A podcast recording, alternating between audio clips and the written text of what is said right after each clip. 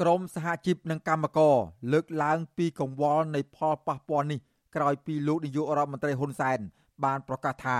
របបលោកមិនទាមទារការអនុគ្រោះពន្ធរបស់សហភាពអឺរ៉ុបដែលបាត់បង់នោះមកវិញទេ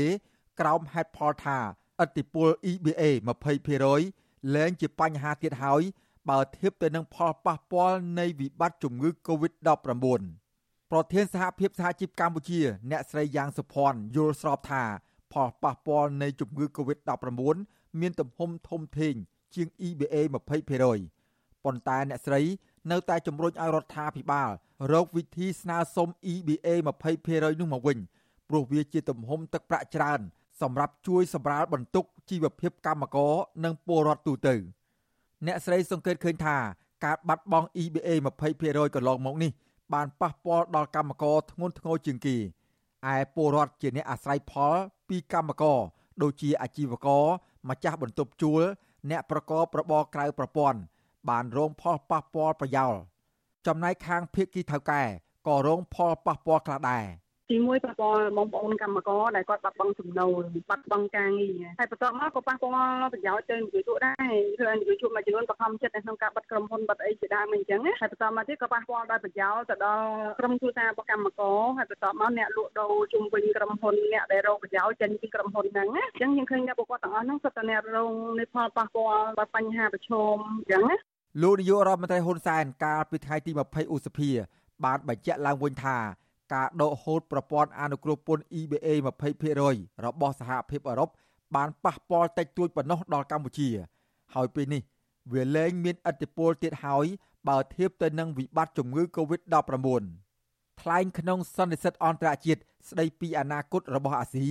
ដែលរៀបចំដោយក្រុមហ៊ុនប្រព័ន្ធផ្សព្វផ្សាយរបស់ជប៉ុននីកេតាមរយៈប្រព័ន្ធវីដេអូនៅពេលនោះលោកហ៊ុនសែនបានផ្ញើសារឲ្យបណ្ដាប្រទេសនានា ផ្ដោតលើការប្រឆាំងនឹងជំងឺ Covid-19 ជាជាងបញ្ហា EBA ខ្ញុំមិនជំទាស់ហើយក៏មិនទៀមទាត្រឡប់មកវិញនៅភាពអនុគ្រោះ20%នោះទេកម្ពុជាបានត្រៀមខ្លួនរួចរាល់សម្រាប់ការមិនវិលត្រឡប់មកវិញនៅភាពអនុគ្រោះពីសហភាពអឺរ៉ុបដោយមិនធ្វើការចរចាមិនប្រឆាំងតវ៉ាឬជំទាស់ការអនុវត្តសេចក្តីសម្រេចរបស់ពួកគេទេយើងបន្តនាំចេញទំនិញ20%ទៅកាន់សហភាពអឺរ៉ុបដោយធ្វើការបង់ពន្ធជាធម្មតា សហភាពអឺរ៉ុបបានដកហូតប្រព័ន្ធអនុគ្រោះពន្ធ EBA ចំនួន20%នេះពីកម្ពុជា កាលពីខែសីហាឆ្នាំ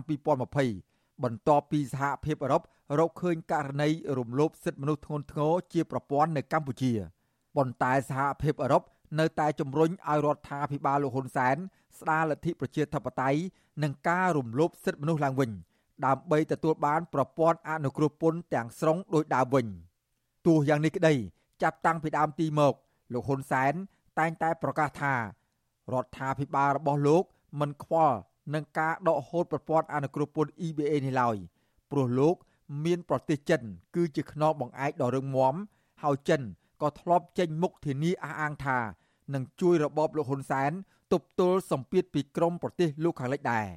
ផ្ទុយពីលោកហ៊ុនសែនគឺមន្ត្រីកាន់ការផ្នែកបច្ចេកទេសនៃរបបក្រុងភ្នំពេញវិញ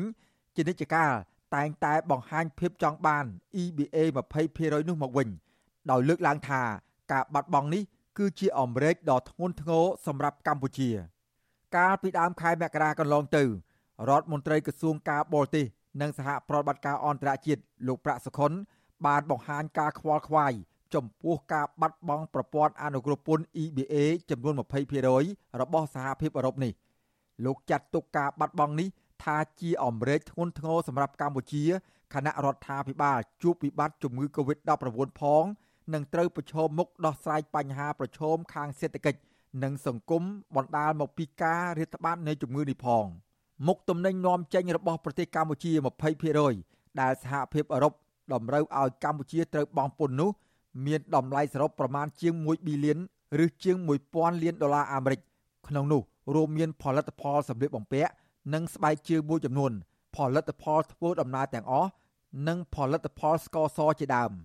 គណៈកម្មការអឺរ៉ុបបញ្ជាក់ថាកម្ពុជា នៅតែអាចនាំចេញមុខទំនិញទាំងនោះទៅកាន់ទីផ្សារអឺរ៉ុបបានដដែលក៏ប៉ុន្តែត្រូវរងការគិតពន្ធតាមអត្រាដូចគ្នា ទៅនឹងសមាជិករបស់អង្គការពាណិជ្ជកម្មពិភពលោក WTO ដែរកម្ពុជាអាចនឹងត្រូវខាត់បង់ទឹកប្រាក់រវាងពី120ទៅ200លានដុល្លារក្នុងមួយឆ្នាំ ដោយសារតែការតម្រូវឲ្យបង់ពន្ធលើមុខទំនិញនាំចេញ20%ទៅកាន់ទីផ្សារអឺរ៉ុបនេះអាស៊ីសេរីនៅពុំទាន់អាចតាក់ទងអគ្គលេខាធិការសមាគមរោងចក្រកាត់ដេរកម្ពុជាហៅកាត់ថាជីម៉ាក់លោកខេនលូដើម្បីសាកសួរអំពីផលប៉ះពាល់ដែលកើតចេញពីការដកហូតប្រព័ន្ធអនុគ្រោះពន្ធ EBA 20%នេះបានទេ នៅថ្ងៃទី22ខែឧសភាទោះយ៉ាងណាកម្មករខ្លះនៅតែចង់បានប្រព័ន្ធអនុគ្រោះពន្ធ EBA 20%មកវិញ ព្រោះពួកគាត់យល់ថាការដកហូត EBA 20%កន្លងមក បានជះឥទ្ធិពលមិនល្អដល់វិស័យកាត់ដេរនៅកម្ពុជា កម្មកររោងចក្រ New Orient ស្ថិតនៅក្នុងតំបន់សេដ្ឋកិច្ចពិសេសកាណាឌីយ៉ាតាមបណ្ដោយផ្លូវវែងស្រេងលោកប៊ុនវ៉ាន់សង្កេតឃើញថាក្រោយពេលបាត់បង់ផ្នែកខ្លះនៃ EBA រដ្ឋាភិបាល បានលុបចោលថ្ងៃឈប់សម្រាកមួយចំនួន និងអនុញ្ញាតឲ្យថៅកែពន្យាពេលបើកប្រាក់អត្ថប្រយោជន៍ផ្សេងផ្សេងដល់កម្មករកម្មកររូបនេះជំរុញឲ្យរដ្ឋាភិបាលដោះស្រាយយ៉ាងណា ដើម្បីទទួលបានការអនុគ្រោះពន្ធទាំងស្រុង ទាំងប្រព័ន្ធអនុគ្រោះពន្ធរបស់សហភាពអឺរ៉ុប EBA និងប្រព័ន្ធអនុគ្រោះពន្ធរបស់សហរដ្ឋអាមេរិកហៅថា GSP ដើម្បីជាប្រយោជន៍របស់កម្មករក្នុងស្ថានភាពកម្មករកំពុងរងគ្រោះធ្ងន់ធ្ងរពីវិបត្តិជំងឺ Covid-19 អ្វីដែលខ្ញុំទៀមទីអ្វីដែលខ្ញុំចង់បានខ្ញុំចង់បាន EVA ឬអ្វីដែលភាសាយើង EVA ទៀតតែខ្ញុំមិនដឹងថាអ្វីដែលភាសាយើង EVA ព្រោះខ្ញុំក៏មិនមែនមានចំណេះដឹងពងពោះដែរអញ្ចឹងខ្ញុំចង់បានអ្វីដែលភាសាភាសាសម្រាប់ពលរដ្ឋខ្មែរសម្រាប់ជនជាតិខ្មែរហើយសម្រាប់អ្នកដឹកនាំល្អត្រូវបង្ហូរការងារណាឲ្យល្អហើយភ្ជាប់ជាមួយនឹងលក្ខខណ្ឌការងារល្អក្រៅពីបញ្ហា EVA កម្ពុជាក៏កំពុងប្រឈមបញ្ហារឿងឋានៈអនុគ្រោះពន្ធលើទីផ្សារសហរដ្ឋអាមេរិកដែរកម្មវិធីអនុគ្រោះពន្ធទូទៅ លើផលិតផលធ្វើដំណើរហៅថា GSP ដែលសហរដ្ឋអាមេរិកផ្ដល់ឲ្យកម្ពុជានោះ បានផុតនៅថ្ងៃទី31ខែធ្នូឆ្នាំ2020ហើយមកទល់នឹងពេលនេះសហរដ្ឋអាមេរិកមិនទាន់ផ្ដល់សុពលភាពឡើងវិញនៅឡើយទេក្រុមអ្នកតាមដានស្ថានភាពនិងសហជីពធ្លាប់ប្រមានថាការបាត់បង់ផ្នែកណាមួយនៃប្រព័ន្ធអនុគ្រោះពន្ធមិនមែនជារឿងល្អសម្រាប់កម្ពុជានោះទេពីព្រោះការដកហូតឋានៈអនុគ្រោះពន្ធទាំងនោះ ធ្វើឡើងដោយសារតែករណីរំលោភសិទ្ធិមនុស្សធ្ងន់ធ្ងរនៅកម្ពុជាករណីបែបនេះអាចប៉ះពាល់ដល់កេរ្តិ៍ឈ្មោះកម្ពុជា និងទំនុកចិត្តរបស់អ្នកវិនិយោគ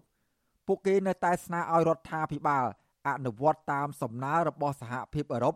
និងសហរដ្ឋអាមេរិកជុំវិញការគោរពសិទ្ធិមនុស្សនិងស្ដារប្រជាធិបតេយ្យឡើងវិញដើម្បីឲ្យកម្ពុជាទទួលបានឋានៈអនុគ្រោះពន្ធនៅលើទីផ្សារប្រទេសទាំងនោះជាបន្តទៅទៀតខ្ញុំបាទសេកបណ្ឌិត អាស៊ីសេរីពីរដ្ឋធានីវ៉ាស៊ីនតោន